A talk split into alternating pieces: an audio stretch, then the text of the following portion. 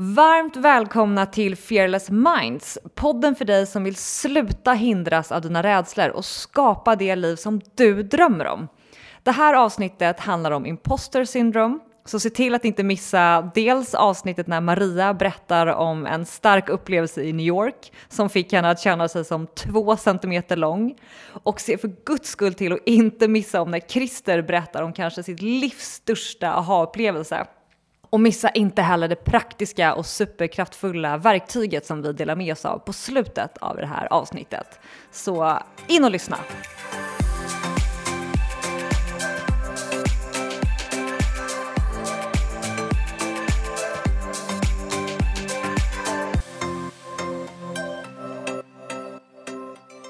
Och nu är det dags för Vad tänker du Christer? Imposter syndrome. Vad är imposter syndrome och vad kommer det ifrån och vad beror det på att så många människor idag lider av det så förtvivlat mycket? Många utan att förstå det. Jag brukar ju berätta om eh, de erfarenheterna jag har gjort de senaste åren. När jag började jobba som föreläsare så kallade jag mig resande i sunt bondförnuft. Fiskarpojk och resande i sunt bondförnuft. Men sen fejdade den titeln bort. Det kändes lite löjligt. Ehm, och jag blev bara Christer Olsson som jag ju heter. Men sen två år tillbaka är jag eh, återigen väldigt noga med att kallas för fiskarpojk och resande i sunt förnuft. Varför det? Jo, för jag har aldrig tidigare, i mina 26 år, 27 år till och med som föreläsare, träffat så många människor som krånglar till så mycket, så ofta, så onödigt som nu. Och då uppstår ju frågan, varför gör de det? Vi vet ju allihop att är man tillräckligt kompetent inom ett ämnesområde så kan man förklara komplicerade saker på ett enkelt sätt. Men vilken amatör som helst kan krångla till det allra enklaste och få det att låta väldigt komplicerat. Så varför upplever jag att många människor helt plötsligt börja komplicera saker medvetet och i onödan? Jag började rota i det, började ställa frågor, började intervjua människor och fann ganska snabbt Ja, anledningen är ju egentligen ganska självklar. Varför krånglar jag till saker jag inte behöver krångla till? Jo, för att jag inte tror att jag duger som jag är. Och när jag upplever att jag inte duger som jag är, då är risken att jag försöker göra mig lite märkvärdig. Genom att använda en terminologi eller främmande ord som ska liksom synliggöra att jag minsann har en akademisk bas eller jag minsann kan det här. Det pinsamma är att jag är ute väldigt mycket för att lära mig. Eh, och när någon använder en terminologi som inte jag förstår, då ah, ställer jag naturligt frågan. Ursäkta mig, men vad betyder det du sa nu? Besvärande ofta visar det sig att de inte själva kunde förklara det. Och det blir ju väldigt pinsamt. Och jag hade aldrig ställt frågan om jag trodde att de inte kunde förklara eh, vad, vad det handlade om. För min avsikt var ju inte att genera, utan min avsikt var ju att lära mig. Och då började jag fördjupa mig ett nivå till. Tänkte, det här är ju, det här är ju liksom allvarligt. Så jag började tänka till ordentligt. Vad, är, vad, vad beror det här på? Och jag fann två förklaringar. Den ena är väldigt enkel. Färre människor skulle under en lång period nu av produktivitetsutveckling så skulle färre människor göra mer på kortare tid till högre kvalitet och lägre kostnad än någonsin tidigare. Det är den ena faktorn. Den andra faktorn är att väldigt många människor äts upp av sina så kallat smarta telefoner. Den tiden vi tidigare hade till reflektion, till att eh, bara tänka. Den fyller vi idag med en telefon. Med Google och andra eh, funktioner, sociala media-funktioner och så vidare. Det gör att det uppstår en brist som jag identifierade de här människorna med otillräcklighetskänslor eh, har. Och vad är då den bristen? Jo, det är brist på reflektion. Och vad menar jag då? Jo, under mer än 10 000 generationer så har vi människor inte lärt oss via böcker, skola, papper, lärare, elev. utan vi har lärt oss av och med varandra med verkligheten som pedagogiskt verktyg. Det började med att vi satt runt lägerelden, berättade hur det hade gått på jakten och vakten, hur det hade gått när vi samlade nötter och rötter, när vi gjorde garn och passade barn, alltså våra olika sysslor på dagen. Och så berättade vi för varandra hur dagen hade varit. Och i det momentet så lärde vi oss själva och varandra erfarenheter som vi hade gjort under dagen. Och det var inte så att vi bestämde oss att nu ska vi sätta oss runt lägerelden och lära av och med varandra och reflektera, utan det var ett naturligt sätt att berätta.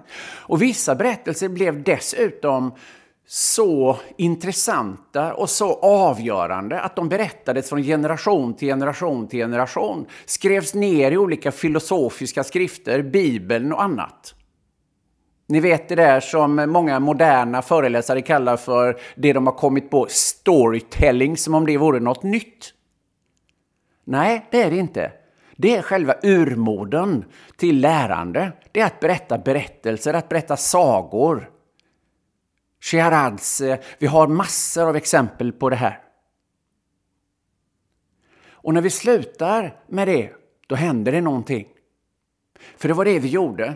Vi slutade, för menar, när lägerelden den övergick så småningom till att bli matbord. Förr satt faktiskt människor hemma på eh, sen eftermiddagen, tidig kväll och åt middag tillsammans. Berätta om hur det hade varit i skolan, på jobbet, hemma, de som hade varit det, på sjukhuset, på myndigheten, var jag nu befann mig någonstans.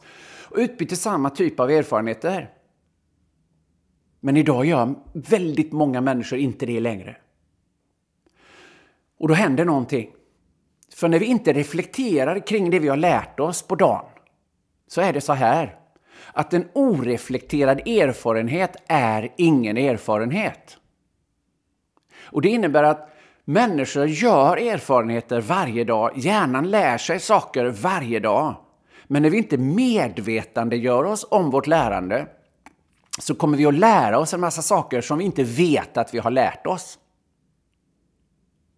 Det kommer att innebära att jag kommer att kunna en massa saker som jag inte vet att jag kan. Och nu börjar vi närma oss kärnan i imposter syndrom. För hjärnan är ju inte dummare än att den använder både omedvetet lärd kunskap och medvetet lärd kunskap. Men själv kommer du att uppleva dig bara använda medveten kunskap. Det du vet att du vet. Det du har ditt självförtroende på. Självförtroende är per definition, jag har förtroende för att jag kan det jag vet att jag kan. Medan det viktigaste färdigheten och förmågan, mer nu i coronatider än någonsin tidigare, det är självtillit. Jag har tillit till min förmåga att klara saker jag inte vet att jag klarar. Som så småningom kommer att bli självförtroende. Men självförtroende är, jag kan det jag vet att jag kan. Och vad vet jag att jag kan? Jo, det jag vet att jag har papper, betyg, intyg på. Men det spännande är att du lär dig varje dag, hela tiden. Hela livet är en lärprocess. Hjärnan registrerar massor av saker. Smaker, lukter, hörsel, människor du möter. Den registrerar saker och ting och hjälper dig att på ett bättre sätt säkra din långsiktiga överlevnad med de kunskaperna, färdigheterna och förmågorna som den genererar. Men själv kommer du att uppleva dig bara veta det du vet att du vet.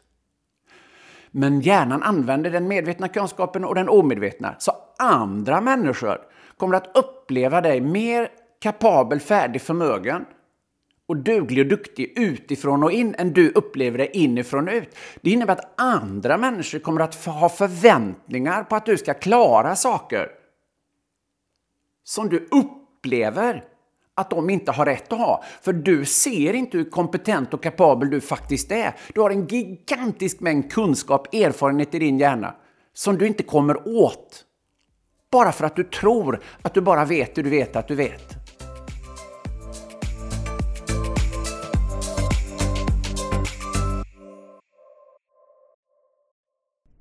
Vi är jätteglada över att meddela att vår sponsor för den här veckans podd är Frilansfinans. Och det var faktiskt så att jag började använda mig av frilansfinansen. Jag tog mitt första kliv ut från att vara anställd till att starta mitt eget. För det som är så himla bra med den tjänsten är just att man inte behöver starta sitt eget företag. Så man behöver inte tänka på allt det här med skatteinbetalningar, försäkringar, inkasso, momsen, utan de ser till att allting blir rätt mot Skatteverket. Så hur funkar det då om man vill testa det här? Man går in och skapar ett konto hos frilansfinans.se. Det tar max tre minuter, det är helt gratis och innebär inga förpliktelser. Och sen så gör man sitt uppdrag, man går in och skapar fakturan och de kontrollerar att den blir rätt och skickar till kunden och sen får du din lön, normalt sett inom fem arbetsdagar.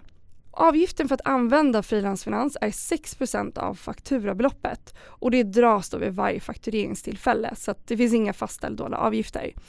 Det är alltså ett jättesmidigt sätt att komma igång, att testa att bli egen företagare. Så att är det någonting du går och funderar på så gå in och spana in deras tjänst och eh, testa den.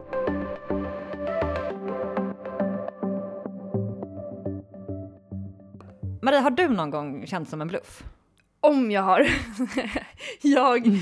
Berätta. Men jag skulle säga att jag nästan har bluffat mig själv för att jag har under väldigt många år inte känt mig som en bluff.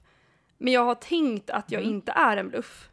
Eh, utan det som har varit... Hur menar du? alltså jag har liksom, skulle någon ha frågat mig för så här, sju, åtta år sedan om jag kände mig som en bluff så skulle jag bara nej, det gör jag absolut inte. Liksom, jag, är, jag har koll på mm. grejer och jag kan det här. Eh, men jag, det jag kände, det som jag, när jag tittar tillbaka på det, det jag kände som jag mm. hade då hela tiden var att jag, jag gick runt hela tiden med en gnagande stress, oro och ångest i magen. Och jag förstår ju så här mm. i efterhand att det var ju det här imposter syndrom. Att jag kände att så här, vem är jag att sitta i det här rummet? Vem är jag att hålla i det här? Vem är jag att ta plats på, den, på det här mötet eller vad det handlar om? Att det var hela mm. tiden en, liksom, det låg och gnagde i mig konstant. Um, så att jag vågade väl bara inte erkänna det för mig själv om jag ska vara ärlig.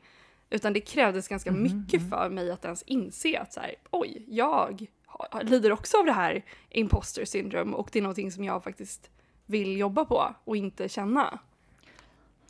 Vad tror du det var eh, när, man, när du inte liksom erkände det för dig själv? Alltså, vad var det läskiga i det? Alltså, om du ser tillbaka, vad var känslan? Varför vill man inte ens titta på det eller känna det? Liksom? Jag tror att det var det här med att liksom, att man hela tiden känna, för då, vid den här tidpunkten så jobbade jag i Paris, eh, jag jobbade för Paypal, ett stort bolag och jag hade en väldigt krävande tjänst och mycket ansvar för, jag, vad var jag då, 24-25. Och att känna den här stressen och liksom ångesten i magen nästan hela tiden när jag var på jobbet. Eh, jag tror bara att, det, att jag vågade väl inte titta på den för att det kanske skulle komma fram att jag inte dög. Att jag inte liksom var tillräckligt bra. Att jag kände den här stressen för att jag inte hörde hemma på den platsen eller den positionen och att folk skulle komma på mig. Så jag tror att det var en, en, en dubbelbluff, om du förstår vad jag menar. Ja. Och försökte skydda dig kanske? Ja, verkligen. Också. Verkligen. Men, men vad hände sen då? När, när liksom föll polletten ner eller man ska säga? Vad, vad hände för dig? Men för mig, jag behövde en ganska rejäl omskakning. Eh, så sagt, jag levde väldigt mycket i det här, så jag hade strävat efter att få bra betyg, få ett bra jobb, få en bra promotion. Eh, allt det här externa betydde väldigt mycket för mig. Och jag kämpade liksom under hela så här, ja, högstadiet, gymnasiet, universitetet för att landa bra betyg och eh, liksom göra, skapa mig en bra framtid i princip. Um. Och sen var det så att jag då flyttade ner till Paris, eh, fick det här jobbet, kände mig skitstolt. Och sen så hände det, eh, det hände liksom personliga saker i mitt liv som gjorde att jag kom in i en kris. Eh, och började ifrågasätta, mm. vad gör jag? Jobbar jag med det jag vill jobba med? Är jag på rätt väg? Lever jag livet sant i mig själv? Och allt det här kulminerade egentligen i att jag eh, sa upp mig. För jag kände att så här, det här, jag lever inte livet helt sant i mig själv. Och jag måste ta reda på vad det innebär. För att jag lever mitt liv och det ska vara till för mig. Och jag visste inte ens, jag hade inte en aning om i vilken riktning jag ville gå eller vad jag ville göra. Eh, så att det här var en väldigt turbulent period i mitt liv. Och det som då, ja som sagt, jag valde då att säga upp mig. Eh, folk frågade då, Jaha, vad är nästa, vad ska du göra nu liksom? Och jag bara, jag ska starta ett företag. De bara, vad ska du starta? Jag bara, det är top secret, det kan jag inte prata om för att jag hade inte en aning om var vad jag ville göra. Utan det var liksom okej, okay, nu, nu lämnar jag det här till någonting, till livet, till universum, till någonting annat som får visa vägen i princip. Eh, mm. Så jag lämnade det då och kände mig just då väldigt eh, så hög på livet och att nu lever jag, nu börjar jag äntligen leva. Så kände jag. Och jag mm. åkte till New York där min syster var. Eh, vi möttes upp där. Och sen så kommer jag ihåg då en, framförallt en eh, händelse som fick hela min värld att typ falla samman. Eh, för det var så att jag kom in då i en bar eh, och i New York är ju väldigt så här, det är ju en sån sjukt ambitiös stad. Folk frågar alltid så här, what do you do, what are you working with? Det handlar väldigt mycket om att liksom prestera och folk har höga mål. Det är där alla liksom samlas. För alla som har varit där eller bott där vet ju precis hur det är. Och då var det så att jag kom in då på, på en bar, eh, började snacka med någon person som frågade så okej, okay, so what do you do?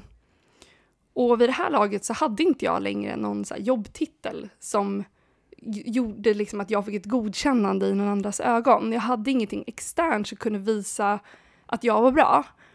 Eh, mm. Och jag kommer ihåg att jag bara så här, jag fick tunghäfta och jag, jag, jag, jag, vet ju inte faktiskt vad jag gör eller vad jag är på väg. Jag har ingen aning. Och i den sekunden så var det som att jag då som hade känt mig väldigt liksom hög på livet och hade läget under kontroll, jag blev typ två centimeter stor. Alltså jag bara, allt bara föll ihop i princip. Och jag insåg att den personen som jag hade liksom hållit uppe den här fasaden med att jag har allt det här under kontroll och jag har den här jobbtiteln och jag får åka på de här coola resorna till London, Milano, Las Vegas och jag får de här feta bonusarna. Allt det fanderade ihop till att jag kände mig så extremt liten när jag inte hade någonting externt att bevisa att jag var tillräckligt bra.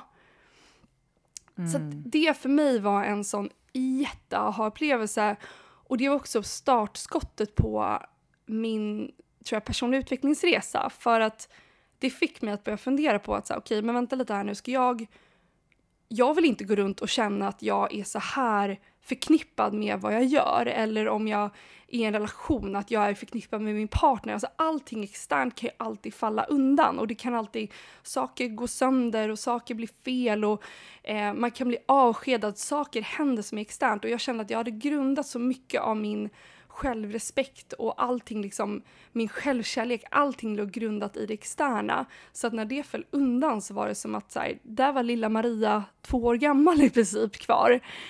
Eh, mm. och jag kände bara där och då att så här, den här känslan vill jag aldrig uppleva igen. För den var så jäkla jobbig. Eh, jag visste då inte att det fanns någonting som hette imposter syndrom eller bluff-syndromet. Utan det fick jag reda på för, ja, inte, vad kan det ha varit, så ett, två år sedan eh, bara. Eh, mm. Men jag kommer ihåg att jag kände att det var väldigt viktigt att inte grunda saker i liksom, vad för diplom jag har eller i det externa utan att faktiskt hitta den grundtilliten eh, till mig själv och veta så här, vad som än händer så klarar jag det och vad som än sker, hur mycket, liksom, med, hur mycket pengar jag har på mitt bankkonto ska inte avgöra hur älskvärd eller kapabel jag är. För det är någonting som ingen kan ta ifrån mig. Alltså det är, det är otrolig skillnad i det du förklarar, hur du kände dig. På en sekund så skiftade från att du kände dig jätteglad och hög på livet och eh, liksom lycklig och stolt över att du hade tagit dig till något nytt och eller sagt upp dig och börjat resa och så helt plötsligt kan du få en fråga och så blir det platt fall. Men vad hände sen? Vad, vad, berätta mer. Vad var det du ville till? Eller vad, vad blev nästa steg? Men jag liksom, tror mycket det, det här med, som Christer pratar om mycket, just det med att faktiskt ta tid och reflektera. För att det är så lätt att man bara springer på och man gör saker, man presterar saker hela tiden. Men att faktiskt göra den här kopplingen att så här, det här gjorde inte jag för att jag har en universitetsutbildning och en titel. Det här gjorde jag för att jag som Maria, mig, jag som person är målmedveten, jag får ihop projekt, eh, jag, jag, det går att lita på mig, eh, jag ligger liksom hjärta och själ i allting jag gör. Alltså istället för att så här, koppla det till det externa, att medvetet börja koppla det till det interna.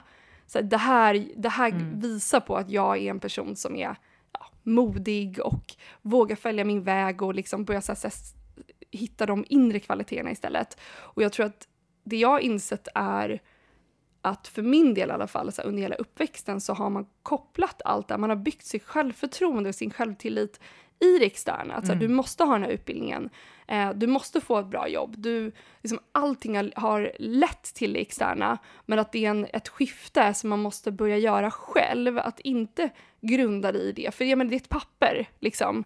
Eh, eller det är en titel man sätter upp på sin LinkedIn-profil. Det är ju ingenting egentligen, utan att faktiskt medvetet börja skifta fokus där till att skifta det till sig själv och vad det säger om en själv som person. För att jag menar, jag har misslyckats med så sjukt många projekt sedan jag blev egen eh, alltså blev entreprenör. Man gör saker som bara går åt skogen och att istället då för att det får känneteckna en misslyckad person och att man inte klarar av det, så istället ser, okej, okay, men jag är väldigt modig, jag vågar, vågar testa nya saker.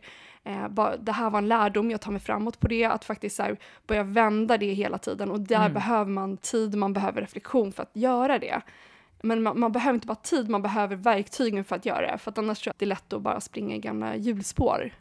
Och vi kommer ju till det, vi, vi kommer berätta om det, men vi har ju en väldigt praktisk övning som man kommer kunna ladda ner från vår hemsida för att reflektera och eh, faktiskt bli av med det här bluffsyndromet eller känslan av otillräcklighet.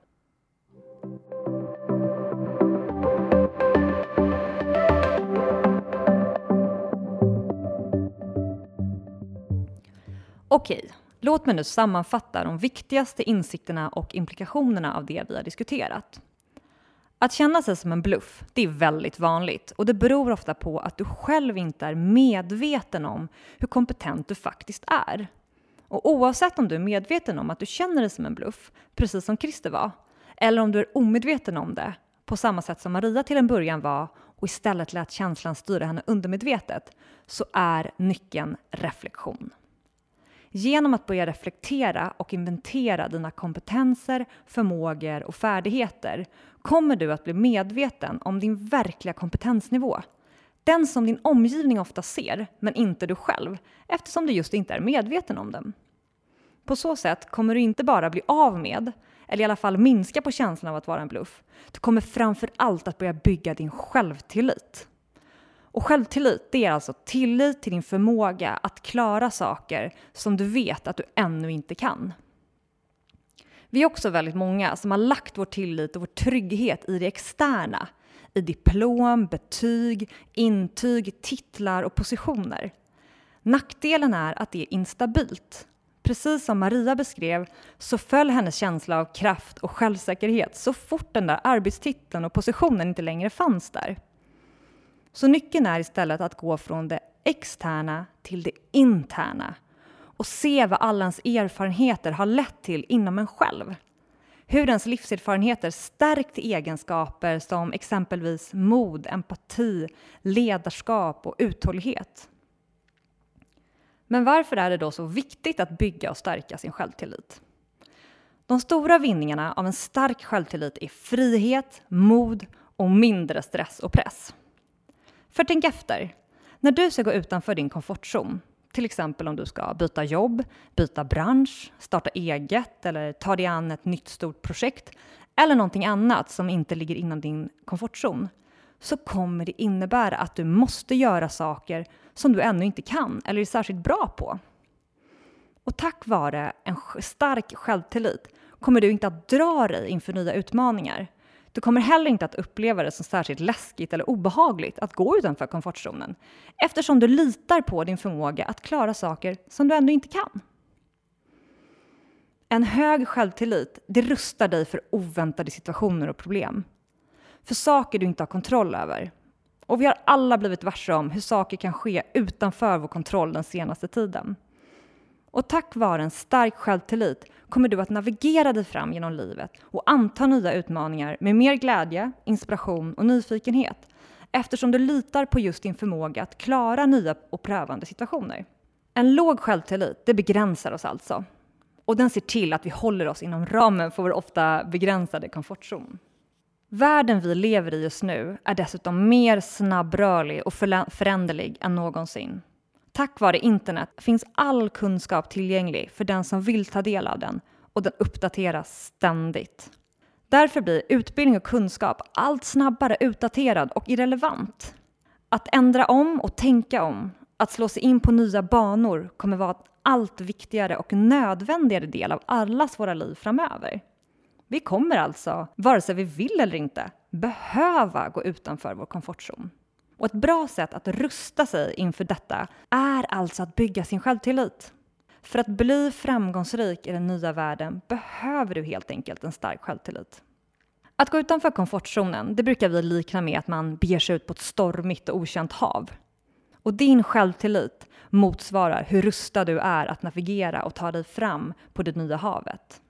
Frågan är, har du med dig en liten boj? Eller har du med dig en mindre stabil flotte att åka runt på? Eller är det med ett stort och robust fartyg?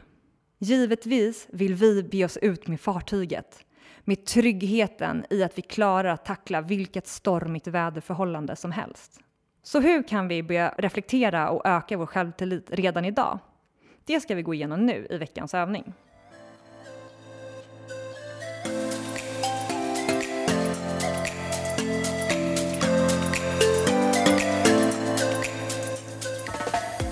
Veckans övning heter Poäng i livets universitet och den går ut på att reflektera över händelser och erfarenheter i ditt liv som har stärkt din självtillit. Förmodligen är du inte medveten om det ännu, men du kommer att bli det i takt med att du gör den här övningen.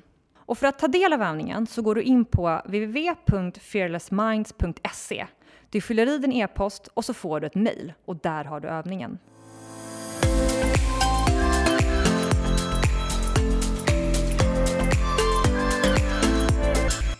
Sist men inte minst ska vi över till veckans ett fel närmare rätt.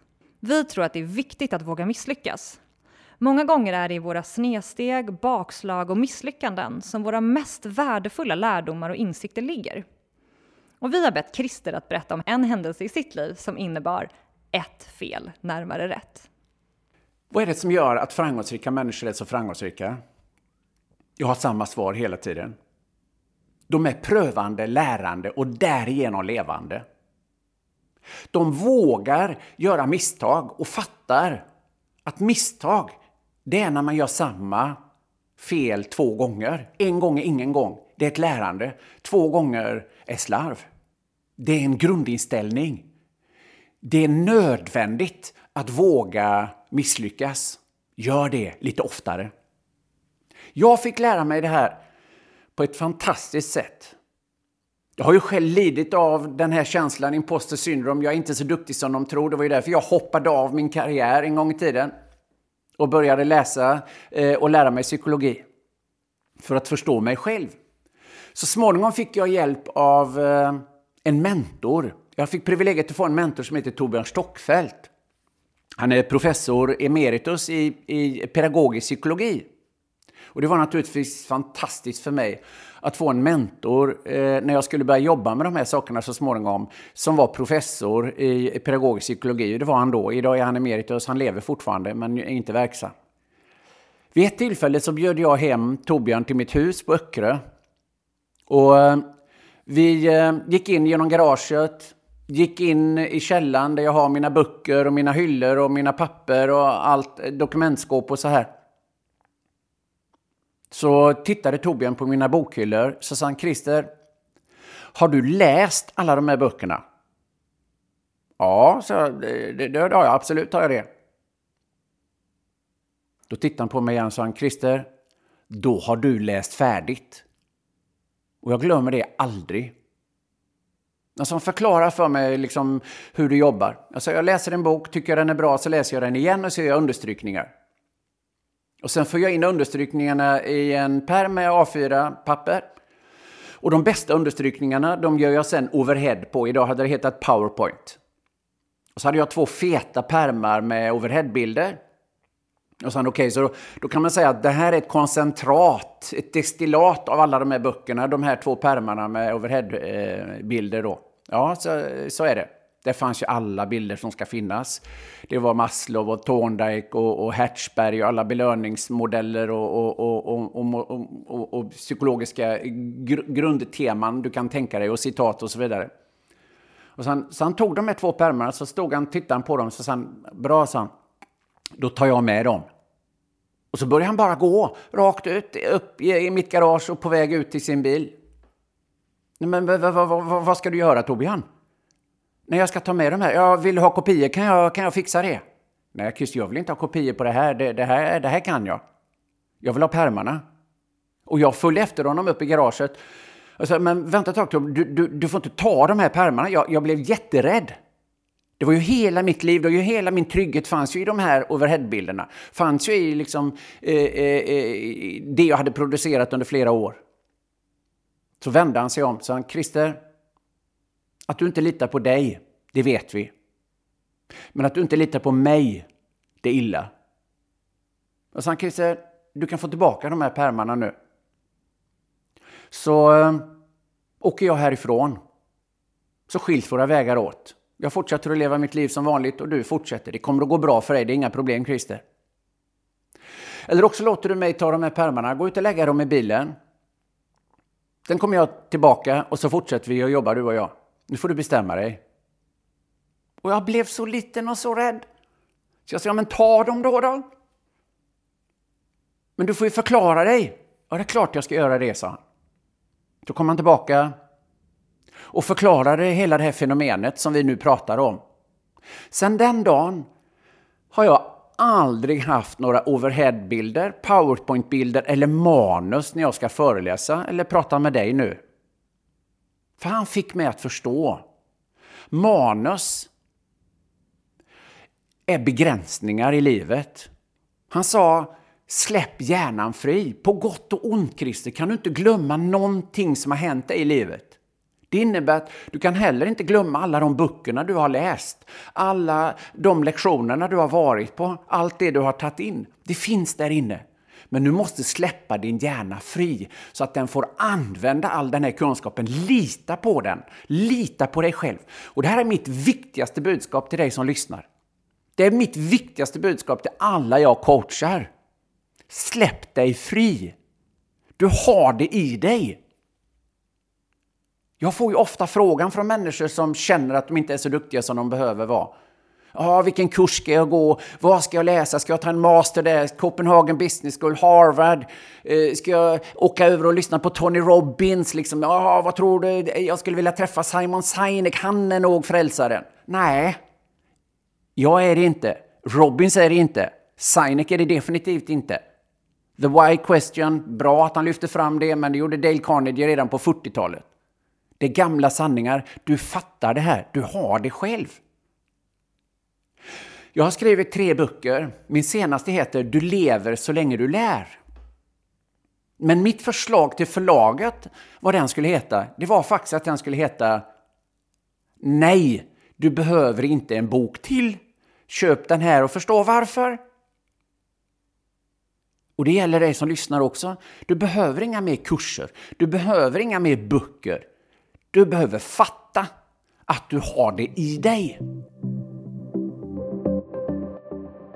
Och för dig som vill göra den här övningen, gå in på fearlessminds.se så kan du ladda ner verktyget och lämna din e-post så får du det skickat till dig.